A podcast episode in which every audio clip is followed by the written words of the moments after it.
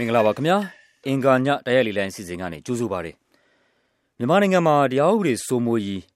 ပိုပြီးတိုးတက်ကောင်းမွန်လာအောင်လုပ်တဲ့နေရာမှာအစိုးရအနေနဲ့ဘယ်လိုအခက်အခဲအကျက်တဲတွေနဲ့များရင်ဆိုင်နေရပါသလဲဒါကိုကျွန်တော်တို့အဓိကဆွေးနွေးကြဖို့ပါအခက်အခဲမျိုးမျိုးရှိလို့လည်းပဲတရားဥပဒေစိုးမိုးရေးအခြေအနေကအခုချိန်ထိတိတိတသာတိုးတက်မလာသေးတာလို့ပြောမယ်ဆိုရင်မှားမယ်မထင်ပါဘူးဆိုတော့ကဒီကနေ့အစီအစဉ်မှာပါဝင်ဆွေးနွေးကြသူတွေအားလုံးအနေနဲ့က အခက်အခဲတွေအများကြီးကျွန်တော်တို့ထွေပြားဆွေးနွေးမယ်စာအဓိကအကြဆုံးအခက်အခဲကြီးတွေကိုပဲအထူးအလေးပေးပြီးတော့ဆွေးနွေးကြပါလို့ကျွန်တော်ကြိုတင်ပြီးတော့ပန်ကြားပါရစေနောက်တစ်ခုကကျွန်တော်တို့အဓိကအတတ်နိုင်ဆုံးလိုရင်းတိုးရှင်းတဲ့ထိထိမိမိဆွေးနွေးပေးဖို့ကိုလည်းအထူးပဲပန်ကြားလိုပါတယ်ပင်တိုင်းဆွေးနွေးပေးဖို့အတွက်ဖိတ်ကြားထားသူနှူးကတော့တရားလူတော်ရှင်းနေကြီးတွေဖြစ်ကြတဲ့ရန်ကုန်မြို့ကဦးရောဘတ်ဆက်အောင်နဲ့မန္တလေးမြို့ကဦးသိန်းတန်းဦးတို့ဖြစ်ပါတယ်တရားလီလိုင်းအစီအစဉ်ကနေကြိုးဆိုပါရရှင်းနေကြီးတို့ခင်ဗျာကျွန်တော်ရှင်းနေကြီးဦးသိန်းတန်းဦးနဲ့စားလိုက်ပြစီ ဆရာတို့အမြင်မှာတရားဥပဒေစိုးမိုးရေးတိုးတက်မလာတာအဓိကအစိုးရအတွက်ဘယ်လိုအခက်အခဲရှိနေလို့ပါလဲခင်ဗျာအဓိကအကြဆုံးအချက်ကတော့ဒီတရားဥပဒေစိုးမိုးမှုမှာအဓိကမန္တန်တစ်ခုဖြစ်တဲ့မြန်မာနိုင်ငံရဲတပ်ဖွဲ့ဟာဒီပြည်ရေးဝန်ကြီးလက်အောက်မှာရှိပြီးတော့ပြည်ရေးဝန်ကြီးဌာနတက်ရှိအစိုးရရဲ့လက်အောက်အုပ်ချုပ်မှုအောက်မှာဓာတ်ရိုက်ရှိနေနေတဲ့အတွက်သက်ဆိုင်ရာဒီတပရအပါဝင်ဒီအုပ်ချုပ်ရေးဘက်ကဝန်ကြီးချုပ်တို့ဘာလို့က ဟိုကိုပြီးရင်ဒီအကြမ်းမှကြကိုကဲနိုင်ဆုံးမရှိဘူးအဲ့ဒီအနေထားဒါကြောင့်မို့လို့ဒါကျွန်တော်တို့ဒီရာဇဝတ်မှုတွေသူပြောနေတာကျွန်တော်ယူဆပါဟုတ်ကဲ့တရားဥပဒေစိုးမိုးရေးပိုင်းလို့ကျွန်တော်တို့ပြောတော့ရဲတပ်ဖွဲ့တစ်ခုတည်းနဲ့တော့မဆိုင်ဘူးထင်ပါရဲ့ဆရာကြံတဲ့အပိုင်းတွေမှာရောခင်ဗျတရားစီရင်ရေးပိုင်းပေါ့အတူတူပါပဲခင်ဗျအဲ့ဒီဟာတွေအားလုံးကလည်းပဲအစိုးရတောက်ကိုအကြမ်းမှကြရောက်တယ်လို့ကျွန်တော်တို့ပြောလို့မရဘူးတရားစီရင်ဆိုရင်ခုချိန်ထိဒီမဲ့တော့မဆုံးသေးပါဘူးဒါအရင်တော့2008ဖွဲ့စည်းပုံအခြေခံဥပဒေပေါ်မှာဆရာနာရှင်စနစ်ကို ကာကွယ်တဲ့တရားစီရင်စနစ်ကြီးကိုထူထောင်ထားတာပေါ့နော်အဲသူတို့ကိုတိဆောက်ထားတာဒေ့ကျင်ထားတာလည်းအဲ့ဒီဆရာနာရှင်စနစ်ကာကွယ်တဲ့နှလုံးသားနဲ့တည်ထောင်ထားတာဖြစ်တဲ့အတွက်အဲ့ဒီအမြင်တွေကိုဒီမိုကရေစီအစိုးရတရက်လက်အောက်မှာဟိုပြောလို့ဖြစ်အောင်လုပ်ပေးဖို့လိုတယ်ထို့တူပဲဒီရှင်းနေကြုံရုံးလို့ပေါ့နော်တရားစွဲအဖွဲ့အစည်းတွေတရားဥပဒေဆုံးကဏ္ဍတစ်ခုလုံးကလည်းပဲအမြင်တွေမပြောင်းလဲနိုင်သေးပဲနဲ့အစိုးရတည်းရဲ့လက်အောက်ကိုလုံးလုံးများများမရောက်သေးဘူးလို့ကျွန်တော်ပြောချင်ပါတယ်ဟုတ်ကဲ့ဦးရောဘတ်ဆောင်ရဲ့သဘောထားကိုလည်းသိပြပါစေ ကျွန်တော်အနေကျွန်တော်အနေနဲ့ပြောချင်တာကတော့ကျွန်တော်တို့လက်ရှိအနေအထားမှာတရားမှန်တိုင်ကိစ္စပေါ့နော်အဲ့တော့ဒီတရားမှန်တိုင်ကဘုံမီဝင်းလက်ထက်မှာဒေါက်တာမောင်မောင်ကဆွဲနှုတ်ပြလိုက်တော့ကြောင်တလင်းခါနေပြီးတော့အစ်စ်ပြန်မထူတော်ရသေးတဲ့အတွက်တရားမှန်တိုင်နဲ့ပတ်သက်ရင်အများကြီးစကားတွေပြောပြဖြစ်လာတာပါ အဲ့တော့တရားသူကြီးဆိုတဲ့စကားလုံးမှတောင်းမှတရားကြောက်ပြီးတော့တကြီးပဲကြံတော့တယ်အဲ့ဒီအနေထားမှာဒီတရားစီရင်ဟာဘယ်လိုမှတိုးတက်လာနိုင်ကြအကြောင်းမရှိဘူး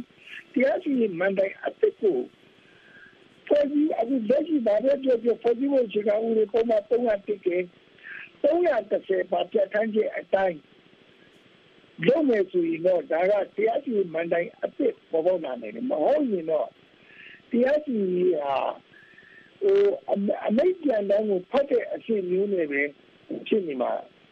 မလွဲပါလို့ပြောချင်ပါတယ်ဟုတ်ကဲ့ကျွန်တော်တို့စီကိုအီးမေးလ်နဲ့ပို့ပြီးဆွေးနွေးထားတဲ့သောရရှင်တူက NLD ဗမောက်မြို့နယ်က NLD ပါတီလူငယ်တာဝန်ခံကိုဝင်းလင်းထုတ်လို့သူအီးမေးလ်မှာရေးထားပါတယ်သူကတော့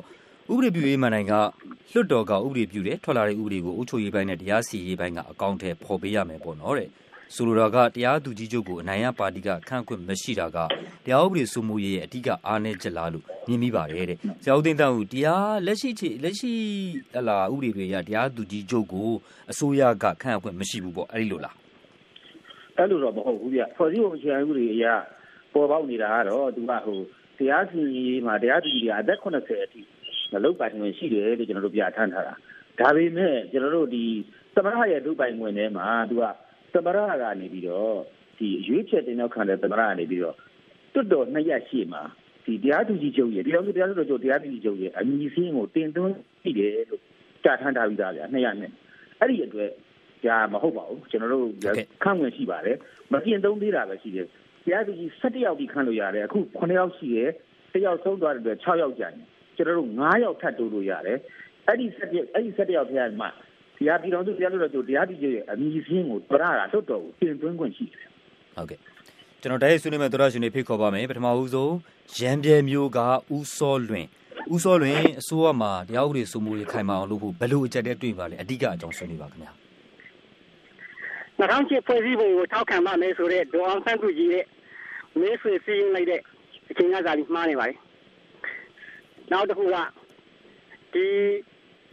ဥက္ကုနေရဲ့အသက်ခံရမှုနဲ့ပြည်ထောင်စုရဲ့အသက်ခံရမှုကိုရှင်းရှင်းရေးဖို့လိုပါတယ်ဥက္ကုနေကနိုင်ငံတော်ကောင်းဆောင်ပြည်ထောင်စုကနိုင်ငံတော်ရဲ့တမိုင်းဝင်အနုသမီးတယောက်ဖြစ်နေပါတယ်ဒီလူရဲ့တွေမှာရခိုင်အရေးမှာကြတော့ရခိုင်အရေးကိုထည့်တွက်စရာမလိုဘူးလို့ပြောထားတာဥက္ကုနေကြတော့သူဒိုအောင်ဆန်းသူကြီးကမြေကြီးကြတာကိုမြင်လိုက်ရတယ်အင်တာနက်ထဲမှာဒီဟာကတရားဥပဒေစိုးမိုးရေးကိုလုံးဝကြောခိုင်းသွားတယ်လို့ဖြစ်နေပါတယ်နောက်တစ်ခုက ဘာလဲဆိုတော့2008ဖွဲ့စည်းပုံမှာစစ်တပ်ကဓမ္မတိုက်ကြတာဒါဟာအဓိကအကြဆုံးချက်ပဲဟုတ်ကဲ့ပါဦးစောလွင်ကျေးဇူးအများကြီးတင်ပါတယ်ခင်ဗျာအဓိကကြတဲ့အချက်ဦးစောလွင်ကျေးဇူးအများကြီးတင်ပါတယ်နောက်တစ်ယောက်တစ်ဆက်တည်းဖိတ်ခေါ်ပါမယ်စကိုင်းတိုင်းမြင်းမှုမြို့နယ်ကဒေါက်တာတန်တစ်ဒေါက်တာတန်တစ်ခင်ဗျာတရားဥပဒေစိုးမိုးရေးအစိုးရထိထိရောက်မလုပ်နိုင်တာဘယ်လိုအဓိကအခက်အခဲကြီးတွေရှိနေပါလဲခင်ဗျာအဓိကအခက်အခဲကတော့2008ခြေခံဥပဒေထဲမှာပါတဲ့အိတ်ချတွေပါပဲခင်ဗျာ ကျွန်တော်အစိုးရကိုကြံပေးနေတာကတော့ခုနပြောသွားသလိုပြည်ရေးနဲ့တရားရေးကိုအစိုးရလက်အောက်ကိုတွင်းပေးပါလို့ကြံပြုလိုပါတယ်။နောက်ပြည်သူတွေဟာနေ့စဉ်ခံနေရတဲ့ကိစ္စတွေကိုကျွန်တော်တို့ရင်ဖွင့်ဖို့အတိုင်ဖို့ကဘယ်သူမှမရှိပါဘူး။အဲတော့ပြည်သူ့အခွင့်အရေးကာဝယ်ဆောက်ရှောက်ရေးကော်မတီတွေကိုမျိုးတိုင်းဖွဲ့စည်းပေးပြီးတော့ပြည်သူကိုယ်စားတိုင်ဝင်ပေးပါလို့ကျွန်တော်အကြံပြုလိုပါတယ်ခင်ဗျာ။ဟုတ်ကဲ့ဒေါက်တာသန်းနဲ့ကျေးဇူးအများကြီးတင်ပါတယ်။ ဆိုတော့ဦးရောဘတ်ဆန်အောင်အခုဆွေးနွေးတဲ့အထက်မှာ2008ဖွဲ့စည်းပုံကိုထောက်ပြကြပါတယ်ဒါပေမဲ့ကျွန်တော်ကစဉ်းစားမိတာက NLD ပါတီဦးဆောင်တဲ့အစိုးရသည်2008ဖွဲ့စည်းပုံကိုပြင်မယ်လို့တော့ပြောတယ်ဒါပေမဲ့ဒီ2008ဖွဲ့စည်းပုံအောက်မှာပဲရွေးကောက်ပွဲဝင်ပြီးတော့မဲအများစုနိုင်ရပြီးတော့အစိုးရဖြစ်လာဆိုတော့2008ဖွဲ့စည်းပုံကိုမပြင်နိုင်သေးခင်မှာ2008ဖွဲ့စည်းပုံမှာပြဋ္ဌာန်းချက်တွေအတိုင်းလုပ်ရမှာပါ2008ဖွဲ့စည်းပုံကြောင့်2008ဖွဲ့စည်းပုံကြောင့်လို့လက်ညှိုးထိုးနေုံတက်တက်နဲ့တရားဥပဒေစိုးမိုးရေးအခြေအနေမတိုးတက်တာကခိုင်လုံတဲ့အကြောင်းပြချက်လို့ပြောလို့ရပါရဲ့လားဦးရောဘတ်ဆန်အောင် ဒီလိုပါဒီ2008ဖွဲ့စည်းပုံအခြေခံဥပဒေမှာဒီလိုမျိုးတရားလွတ်တော်ကျုံးမှာခန့်ရမယ်တရားသူကြီးတွေရဲ့အရေးချင်းကဒီနေ့နဲ့အတိုင်းတရားလွတ်တော်တရားသူကြီးကြီးနားနေဆောင်ရခဲ့လူနောက်ဓမ္မမို့ရင်လေဟိုတရားအရာရှိတို့မို့ဥပဒေအရာရှိကြီးဆယ်နှစ်တောင်းတဆောင်ခဲ့သူဓမ္မမို့တရားလွတ်တော်ရှင်အနည်းဆုံးအနည်း20လိုက်ပါဆောင်ခဲ့သူတို့ပြောတယ်အခုလက်ရှိပြည်တော်စုတရားလွတ်တော်ကျုံးမှာ ဦးဆုံးညကဦးဆုံးညဥပဒေတွေကလွင်ကျန်တာတွေအဲ့ဒီအချက်နဲ့မကိုက်ဘူး။ဒုံနည်းတူစွာပဲပြည်နေတဲ့တိုင်းဒေသယူတရားလို့တော့မှလေဒုံနည်းတူစွာပဲကျွန်တော်တို့အရင်ရှိနေဆိုလို့တရားမှာမပါဘူးအခုမနေ့တနေ့ကမှပဲတရားလောက်နှစ်ယောက်လောက်ထဲတာကိုတွေ့ရတယ်အဲ့တော့ဆရာဆရာဦးရောဘဆရာဦးရောဘကျွန်တော်နည်းနည်းဖြတ်မေးပြစီ ဟုတ်ကဲ့ခင်ဗျာကျွန်တော်ဆရာကဒီလူပုဂ္ဂိုလ်ကိုအဓိကပြောတဲ့သဘောရှိပါတယ်ကျွန်တော်ကစနစ်ကိုအဓိကပြောချင်ပါတယ်လူပုဂ္ဂိုလ်တွေကြောင့်ဆိုတာတဲ့ဟိုလူပုဂ္ဂိုလ်တယောက်တည်းနဲ့လည်းဒီကိစ္စကလုံးလို့မရပါဘူးဆိုတော့စနစ်ကိုကတကယ်ကောခိုင်မာပါရဲ့လားတရားဥပဒေစိုးမိုးရေးတိုးတက်ဖို့ရအတွက်တရားဥပဒေစိုးမိုးရေးအတွက်စနစ်အနေကအရာတော့ခိုင်မာမှုမရှိပါဘူးဘာဖြစ်လို့လဲဆိုတော့တရားကြီးကလည်းအားနေတယ်လို့ဥဥရိအရာရှိတိုင်းကလည်းအားနေတယ် တရားပွဲအဖွဲ့အစည်းရလည်းပဲအားနေတယ်နော်ကြိုးကြည့်မှုမရှိတဲ့လူတွေနဲ့ပေါင်းဆက်နေရတော့ဘယ်လိုမှတိုးတက်မလာနိုင်ဘူးဖြစ်ရတာပါဟုတ်ကဲ့ပါဆရာဦးသိန်းတန်းကရောဘယ်လိုမြင်တယ်လဲဟုတ်ကဲ့ဗျာဟိုကျွန်တော်သဘောတူပါတယ်ဟိုလူမန်နေရမှာပေါ့ဗျာကျွန်တော်တို့ရဲ့သွားလေသူဥက္ကဋ္ဌယူနေဝင်ပြောရဲဆိုပေါ့နော်အခုဟာကျွန်တော်တို့ကပုံစံကြပေါ့နော်ဒီ2000ဖွဲ့စည်းပုံကကျွန်တော်ဟိုခန့်လိုက်တဲ့လူတွေကသူတို့လူတွေ ဗိုလ်ချုပ်ဟောင်းတွေစစ်တပ်ကလူတွေဒီလိုလူတွေကို base လုပ်ပြီးတော့အခြေခံထက်တော့ရဲတပ်ဖွဲ့မှာရောအထူးအုပ်ချုပ်ရေးဦးစီးဌာနရောတရားရေးဦးစီးဌာနရောစစ်တေတို့ရုံးပေါ်ဆိုတော့ဒီတမျိုးလုံး၆စိတ်ဖြစ်ပြီးတော့တကယ်အည်သွေးနဲ့ပြည့်ဝတဲ့တရားစီတွေရှိပါတယ်အဲ့လိုလူတွေကနေရာမရဘူးသူတို့လက်တင်ရဆိုတော့ခေါ်ပြီးတော့သူတို့နဲ့နှိစက်တဲ့လူတွေထည့်ထားတဲ့အနေထားရာတရားစွဲအဖွဲ့အစည်းတခုလုံးတရားဥပဒေစိုးမိုးရေးကိုထမ်းဆောင်နေတဲ့ institution တွေအားလုံးက အည်သွေးမပြည့်မီဘူးလို့ပဲကျွန်တော်ပြောရမှာဟုတ်ကဲ့ပါခင်ဗျာအမေရိကန်နိုင်ငံကမောင်တသနာအီးမေးလ်နဲ့ပို့ပြီးဆွေးနွေးထားတာတခုပြောပြပါမယ်ကျွန်တော်တို့နိုင်ငံတရားဥပဒေစိုးမိုးရေးအခြေအနေကတာမန်အောက်ခြေကိုမပြောနဲ့ပြည်သူတွေရွေးချယ်တင်မြှောက်လိုက်တဲ့ပြည်သူကိုယ်စားလှယ်တွေအစိုးရကရွေးချယ်ဆေးလွတ်လိုက်တဲ့နိုင်ငံကိုယ်စားလှယ်တွေအတွက်တောင်လုံခြုံမှုမရှိဘူးဆိုတာဥပဒေပညာရှင်ဦးကိုနီလှုပ်ကြံခံရမှုကအထင်ရှားပါသတင်းတောက်တွေလှုပ်ကြံခံရတာစလို့တက်ငယ်မတိမှုတွေတိုးပွားလာနေတဲ့အထိတရားခံတွေကိုအလင်းအမြန်ဖော်ထုတ်အရေးမယူနိုင်တာခေါက်ရိုးကျိုးနေတဲ့တရားသူကြီးတွေရဲ့ နေရာမှာသိက္ခာသမာဓိရှိပြီးဖြောင့်မတ်မှန်ကန်တဲ့တရားသူကြီးတွေနဲ့အစားမထိုးနိုင်တာတွေဟာအစိုးရအတွက်ကြီးမားတဲ့အကြက်တဲတစ်ခုလို့ယူဆပါတယ်တကယ်တော့တရားဥပဒေစိုးမိုးမှုအခြေအနေဒီလောက်ထိရိုင်နေနေရခြင်းအဓိကအကြောင်းရင်းကပြည်ထရေးကိုထိန်းချုပ်ထားတဲ့ကာကျုံးလက်တာသက်ဆိုင်ပါတယ်အစိုးရနဲ့အနေချင်းသာသက်ဆိုင်နိုင်ပါတယ် အစိုးရရဲ့အားနည်းချက်ကတော့ပြည်ထရေးကိုအစိုးရရဲ့စီမံအုပ်ချုပ်မှုအောက်ကိုရောက်အောင်မသိမ်းသွင်းနိုင်ခြင်းပဲလို့ယူဆမိပါတယ်ခင်ဗျားတဲ့အခုနောက်ဆွေးနွေးချက်တချို့နဲ့အဲစင်တူရိုးမှရှိမယ်လို့ကျွန်တော်ထင်ပါတယ်အခုတည်းဆွေးနွေးမယ်နောက်သောတာရှင်တယောက်ဖိတ်ခေါ်ပါမယ်ထိုင်းနိုင်ငံမှာရှိတဲ့ကိုတီးလယ်မှုကိုတီးလယ်မှုထိုင်းနိုင်ငံကနေမြန်မာနိုင်ငံတရားဥပဒေစိုးမိုးတိုးတက်လာအောင်ဘယ်လိုအကြက်တဲရှိနေတယ်လို့ဆွေးနွေးကြပါသလဲခင်ဗျာဟုတ်ကဲ့ခင်ဗျာဒီ2008အခြေခံဥပဒေကတော့အဓိကလိုအပ်ပါတယ်2008အခြေခံဥပဒေကိုနော် ပြင်ဆင်မလားအတိတ်ရေးဆွဲမလားအဲ့ဒါမှအဓိကမူတည်ပါတယ်ခင်ဗျဘာဖြစ်လဲဆိုတော့ဒေါန်ဆန်းစစ်ကြီးကနော်အတွင်နဲ့អော်နေပါတယ်နော်လက်မှတ်ထိုးကြပါလက်မှတ်ထိုးလက်မှတ်ထိုးခဲ့လို့ရှိရင်ကျွန်တော်တို့တိုင်းရင်းသားဒေသမှာလက်ရှိအစိုးရစစ်တပ်တွေကနေရာဝင်ယူနေတယ်လက်နဲ့အင်အားအလွင်အားအပြည့်နဲ့နေရာဝင်ယူတာကျွန်တော်တို့တွေ့ရပါတယ်ခင်ဗျအဲ့ဒါကြောင့်မို့ကျွန်တော်အမှန်တမ်းဆိုရင်ကြာကောင်းတယ်လို့နော်တိုင်းသားခေါင်းဆောင်နေနဲ့အဲ့ဒီကိစ္စကိုနော်ဒီဒီချာချာလေးလာပြီးတော့နော်ဆုံးဖြတ်ဖို့လိုတယ်လို့ကျွန်တော်မြင်တယ်ဟုတ်ကဲ့ပါကိုသိလဲမှုကျေးဇူးများတင်ပါတယ် နောက်တစ်ဆက်တည်းဖိတ်ခေါ်ပါမယ်စကိုင်းတိုင်းမော်လိုက်မြို့နယ်ကဦးမျိုးမြင့်ပါဦးမျိုးမြင့်သဘောထားဆွေးနွေးပါခင်ဗျာဟုတ်ကဲ့ကျွန်တော်လည်း2000ရဲ့ဖွဲ့စည်းပုံကိုပဲထောက်ပြလိုပါတယ်အဲ့ဒီကဖွဲ့စည်းပုံကိုမပြင်ဘဲနဲ့ကတော့ပြီးတော့နွားလာပြောင်းပြောင်းသွားတော့မဟုတ်ကောက်ကောက်သွားနော်နွားတဲ့ကောက်ကောက်လိုက်ဆိုတဲ့ပုံစံမျိုးလို့အဲ့ဒီတိုင်းအုပ်စုတွေလို့ကတော့တရားဥပဒေစိုးမိုးရေးကဒီတိုင်းဖြစ်နေမှာပါလို့ကျွန်တော်က ထောက်ပြလိုပါတယ်အဲ့ဒီတိုင်းဟုတ်ကဲ့ပါခင်ဗျာပါပဲကျွန်တော်ဆွေးနွေးနေတာကျေးဇူးအများကြီးတင်ပါတယ်ဦးမျိုးမြင့်ကျွန်တော်တို့ကဆိုတော့ငင်းချမ်းရေးကိစ္စပြောကြတယ်ငင်းချမ်းရေးတေချာမရသေးဘူးအပြစ်ခတ်ရစေးခံခံမှာမရှိဘူးဆိုတော့ဒီအချက်တွေကတရားဥပဒေစိုးမိုးရေးကိုခိုင်မာမတိစောင့်နိုင်တဲ့နေရာမှာအဓိကဘလောက်ရေးပါတဲ့အခန်းကဏ္ဍကရှိနေပါလဲဆရာဦးရောပါကျွန်တော်အမြင်ကတော့တရားဥပဒေစိုးမိုးရေးကိုလည်းအဓိကထားပြီးတော့ဖွဲ့စည်းပုံခြေခံဥပဒေကိုပြင်ဆင်နိုင်မှသာလေ ငြိမ်းချမ်းရေးတို့ညီညီရေးတို့ဒီမိုကရေစီရေးတို့ဟာရှေ့သို့တိုးတက်နိုင်တယ်မဟုတ်ရင်တော့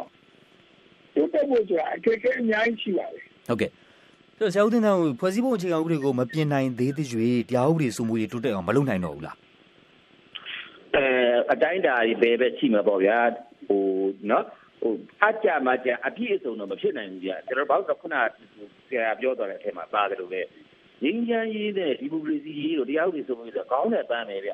တရားဥပဒေမစိုးမိုးရင်ရင်းရဲရေးမရနိုင်ဘူးအဲ့လိုပဲရင်းရဲရေးမရရင်လည်းပဲကျွန်တော်တရားဥပဒေမစိုးမိုးနိုင်ဘူးအဲ့တော့တရားဥပဒေစိုးမိုးမှုကြတော့တယ်တော့ငင်းချမ်းရေးရဖို့ကြတော့2000ဖွဲ့စည်းပုံရှင်းဥပဒေကြီးဟာအဓိကကြတဲ့စက်ထုံးကြီးဖြစ်နေတယ်ပြဿနာရဲ့ပင်မပြဿနာကြီးကဒါဖြစ်နေတော့ကျွန်တော်တို့ကဒီဘူရာပဲပြန်ပြန်ဆိုင်တာပေါ့ဗျာဟုတ်ကဲ့နော်ဒါကြီးရှင်းနိုင်မှာဖြစ်မယ်တော့ပဲဟုတ်ကဲ့ကျွန်တော်တခုထောက်မေးချင်ပါတယ်ဆိုတော့ကဲဆိုကြပါစို့ပြည်ထဲရေးကအခုလက်ရှိက ပြည်ထဲရေးဝန်ကြီးကိုကာကွယ်ဦးစီးချုပ်ကတိုက်ရိုက်ခံထားတယ်နော်ပြည်ထဲရေးမှာကျွန်တော်တို့ရဲတပ်ဖွဲ့ရှိတယ်တရားစီရင်ရေးရှိတယ်ဟလာအချင်းဦးစီးဌာနရှိတယ်စသဖြင့်ကဲဆိုကြပါစို့အဲ့ဒါတွေကိုကာကွယ်ဦးစီးချုပ်ကတိုက်ရိုက်မခံဘဲနဲ့ဟလာအစိုးရကခံအစိုးရအကြီးကခံမယ်တမရလောက်ကိုအဲ့ဒါတွေလွှဲပေးမယ်ဆိုကြပါစို့တကယ်ပဲတရားဥပဒေစိုးမိုးရေးအခြေအနေတိုးတက်လာမယ်လို့ယုံကြည်ပါသလားဆရာအဲကျွန်တော်တို့ယုံနေဗျဟိုဟို corporation ပေါ့နော်နိုင်ချင်းကြီးရဘာလို့ဆိုတော့ဟိုဟို ပထမဦးဆုံးအားဖြင့်တကယ်ကိုဆက်ဆိုင်တဲ့တက်ကြွနားလေတဲ့လူတွေအောက်ကိုပညာရေးဆိုင်ရာအဖွဲ့အစည်းတွေ institution တွေရောက်လာမယ်နောက်တစ်ခါအဲ့လောက်နဲ့တော့မပြီးဘူးဗျအဲ့ဒီထဲမှာရောက်နေတဲ့မိုးချရွှေကိုတွေတော်တော်ထုတ်အောင်တကယ်ပညာရှင်မဟုတ်ဘဲနဲ့ဒီနေရာမှာဟိုအကြောင်းမျိုးမျိုးနဲ့လာပြီးတော့ဘိုးဘွားကြလာပြီးတော့ကျန်တဲ့လူတွေရှိမှပိတ်နေတဲ့လူတွေရှိအဲ့လိုလူတွေဖယ်ပြီးတော့ကျွန်တော်တို့သွားလေဒီဒီတပရာကြီးဦးနေဝင်ပြောသလိုပဲလူမှန်နေရာမှကျွန်တော်တို့တကယ်ပြန်တိဆောက်နိုင်တယ် ဌာနတွေကလည်းပဲတကယ်ရတအစိုးရတပရာရဲ့အုပ်ချုပ်မှုအောက်မှာရှိတယ်ဆိုရင်တော့ဒါတွေဟာအခုအချိန်နဲ့အများကြီးတာလာတယ်ကျွန်တော်ယုံကြည်တယ်ဟုတ်ကဲ့ဥရောပကရောဘယ်လိုမြင်လဲကျွန်တော်အနေနဲ့လည်းထုံနည်းတူကြပါလေကျွန်တော်တို့တရားရေးနယ်မှာမဆိုင်တဲ့လူတွေဝင်ပြီးနေရာယူထားတဲ့အတွက်တရားစီရင်နဲ့ပတ်သက်ရင်ပြည်သူလူထုရဲ့အမြင်ကြီးအင်မတန်မှအဆိုးကိုမြင်ရတာတဲ့မှမှမရှိတာက နားလေပေါင်းလေပဲနဲ့ဘဝကရထားပြီမဲ့လို့ဥပဒေအတွေ့အကြုံမရှိတဲ့ခါကျတော့သူတို့ကအောက်ခြေကအကြံပေးတွေ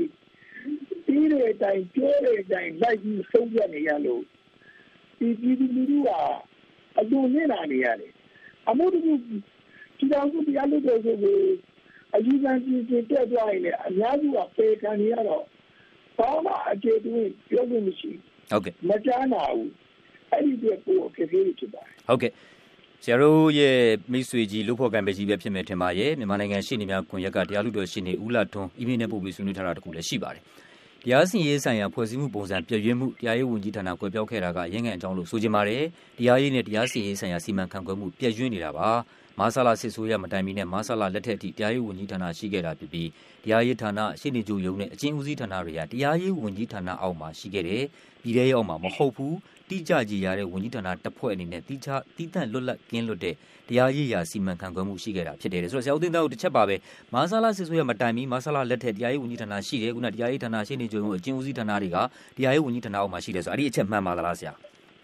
မှန်ပါတယ်ဗျမှန်ပါတယ်တရားရေးဝန်ကြီးဌာနတီးသားရှိပါတယ်ဟုတ်ကဲ့ခင်ဗျအခုတော့မရှိတော့ဘူးပေါ့တရားရေးဝန်ကြီးဌာနတီးကြ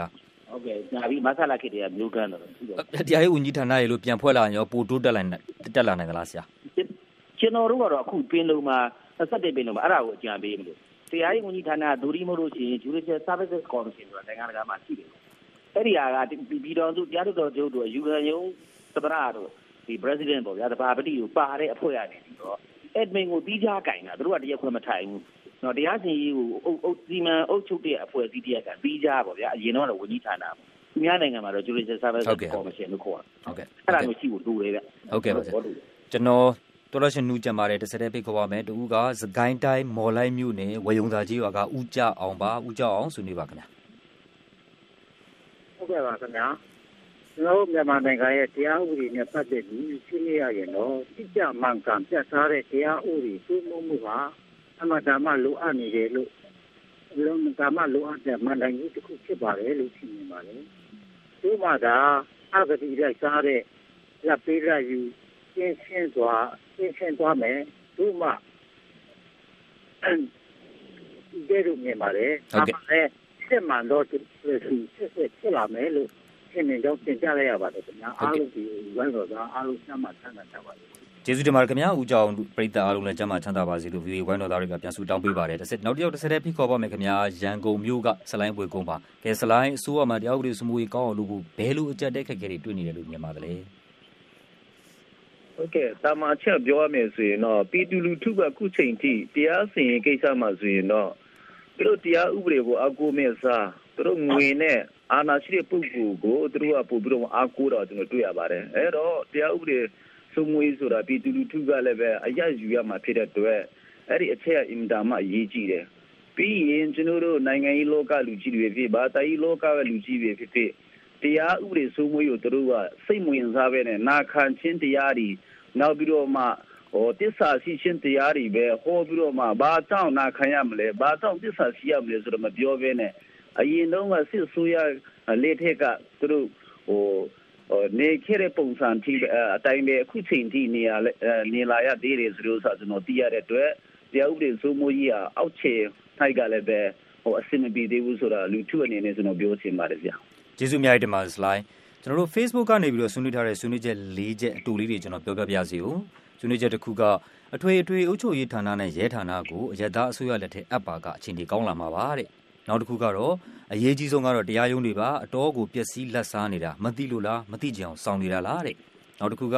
ပြည်ထရေးအယက်သားအစိုးရလက်အောက်ထဲရောက်ရင်တရားဥပဒေစိုးမိုးပြီးရှင်းနေတာကိုရှုပ်အောင်မလုပ်နဲ့တဲ့ဟုတ်ကဲ့ပါခင်ဗျာနောက်ဆုံးတူကတော့ တရားဥပဒေစိုးမိုးရေးအောက်ခြေအဆင့်ကစပြီးအာဂတိလိုက်စားမှုတွေကိုထိထိရောက်ရောက်ကင်တွယ်ဖြေရှင်းစေလိုပါတယ်တဲ့သူသဘောထားပါဆိုတော့ဒုတိယအုပ်ချုပ်ရေးရဲတရားရုံးအကုန်လုံးပါပဲခင်ဗျာတရားဥပဒေစိုးမိုးရေးနဲ့သက်ဆိုင်နေတဲ့အဖွဲ့အစည်းအကုန်လုံးပြင်ဖို့လိုနေတယ်ပေါ့နော်ဆိုတော့ကျွန်တော်တို့အချိန်10မိနစ်ကျော်ကျော်ရပါတယ်ဆရာဦးသိန်းတန်းဦးနဲ့ဆရာဦးရောဘတ်ဆန်အောင်ကျွန်တော်အချုပ်မေးခွန်းမေးပါမယ်ဆရာဆရာဦးရောဘတ်ဆန်အောင်အရင်ဆွေးနွေးပါခင်ဗျာ လက်ရှိအစိုးရတက်တန်းအတွင်းမှာတက်တန်း၄နှစ်လောက်ကြာပါသေးတယ်လက်ရှိအစိုးရတက်တန်းအတွင်းမှာတရားဥပဒေစိုးမိုးရေးဒီထက်ပိုပြီးတိုးတက်လာမဲ့အလားအလာရှိပါသေးရဲ့လားဆရာဦးရောဘတ်ဆန်အောင်อืมဒီတိုးတက်လာအောင်ဆိုရင်တော့ဒီမျိုးနေခရိုင်တရားသူကြီးတွေအဆင့်ကလာတာနှစ်သိန်းသုံးနေနေရှိတယ်။တက်နေတဲ့ပုံစံနဲ့ငွေကြေးဖောင်းပွားမှုမမတွန်းနိုင်တဲ့အခါမှာပေါ်တဲ့ပေါက်ပြန်ဖြစ်တယ်။ နောက်တစ်ချက်ကပြည်နယ်နဲ့တိုင်းတရားသူကြီးအဆင့်မှာကြောင်ကြကြကိုမမမကန်လုပ်တာတွေကိုမကြည့်မဲ့တဲ့အမှုတွေကဘယ်လိုတိုင်တိုင်ဒါမှအရေးကြီးမပြီးတော့လေပို့သေးအဲ့ဒါကိုပြည်နိုင်မှဖြစ်နေဟုတ်ကဲ့ပါခင်ဗျာဆရာဦးသိန်းတန်းဦးလက်ရှိဆိုရတဲ့တန်တွဲမှာတရားဥပဒေစိုးမိုးရေးဒီထက်ပိုပြီးတော့တိုးတက်ကောင်းမွန်လာမယ်အလားအလာရှိပါသေးရဲ့လားဆရာဘယ်လိုမြင်ပါသလဲ အလားအလာလည်းရှိတယ်ကျွန်တော်တို့လည်းမျှော်လင့်နေဗျ။ဘာလို့ဆိုတော့ကျွန်တော်တို့21ရာစုပင်လုံခုပြန်စပြီးတော့ဒီ6လအတွင်းမှာကျွန်တော်နဲ့သွားလေသူဆရာဥက္ကိုကြီးပေါ့ဗျာကျွန်တော်တို့တင်နေတဲ့တရားဥပဒေစိုးမိုးရေးနဲ့တရားစီရင်ပြုပြောင်းလဲမှုစာတမ်းရှိပါတယ်။အဲ့ဒီစာတမ်းကိုကျွန်တော်တို့ထိတ်ထိတင်ဖို့ရှိတယ်။အဲ့ဒီတရားစီရင်စနစ်ပြုပြင်ပြောင်းလဲမှုနဲ့ပတ်သက်တဲ့ဟာကိုလက်ခံပြီးတော့တရားကျွန်တော်နိုင်ငံတကာအတွေ့အကြုံတွေနဲ့ဒီသေးအတွေ့အကြုံတွေပေါင်းစပ်ပြီးတော့ပြင်ဆင်နိုင်မယ်ဆိုလို့ရှိရင်တော့အခုချိန်တွေပို့ပြီးတော့ တိုးတက်လာမယ်လားလားရှိတယ်လို့ကျွန်တော်ယုံကြည်တယ်ဟုတ်ကဲ့ပါခင်ဗျာကာတွန်းဆရာစီယာရဲ့ကာတွန်းတစ်ခွက်ကျွန်တော်ဒီကုန်းချုပ်လေးပြောပြပါရစေကာတွန်းထဲမှာရက်တက်သားနဲ့ရက်စခန်းမှုနဲ့ရှိပါတယ်ရက်တက်သားကတရားခံတယောက်ကိုဖမ်းလာပါတယ်ကျိုးနဲ့ဆွဲပြီးတော့စခန်းမှုကခုံမှထိုင်နေပါတယ်ရက်တက်သားကစခန်းမှုကိုအလေးပြုတ်ပြီးတော့စီရင်ခံပါတယ်အဓိကတရားခံကိုမိလာပါပြီဆရာတဲ့သူ့လက်ထဲကျိုးနဲ့ဆွဲဖမ်းလာတာကိုရက်စခန်းရက်စခန်းမှုကကြည်ပါတယ်ဗုဒ္ဓလို့တခွန်းပဲပြောလိုက်နိုင်ပါတယ် ဖမ်းလာတဲ့ရက်တက်သားရက်တက်သားဖမ်းလာတဲ့တရားခံကတော့စာရေးထားပါတယ်ကာတွန်းဆရာကတရားဥပဒေစိုးမိုးရေးပါတဲ့တရားဥပဒေစိုးမိုးရေးကိုယ်တိုင်ကတရားခံဖြစ်နေသလားလို့ကျွန်တော်စဉ်းစားမိပါကြောင်းတင်ပြရင်းဒီကနေ့ညအစီအစဉ်ဒီမှာပဲညီကုန်းချုပ်ပါတယ်အားလုံးပဲရှင်လန်းချမ်းမြေ့ကြပါစေနောက်တစ်ပတ်ဒီနေ့ဒီချိန်ဒီနေရာမှာပြန်ဆောင်ကြတာပေါ့ခင်ဗျာ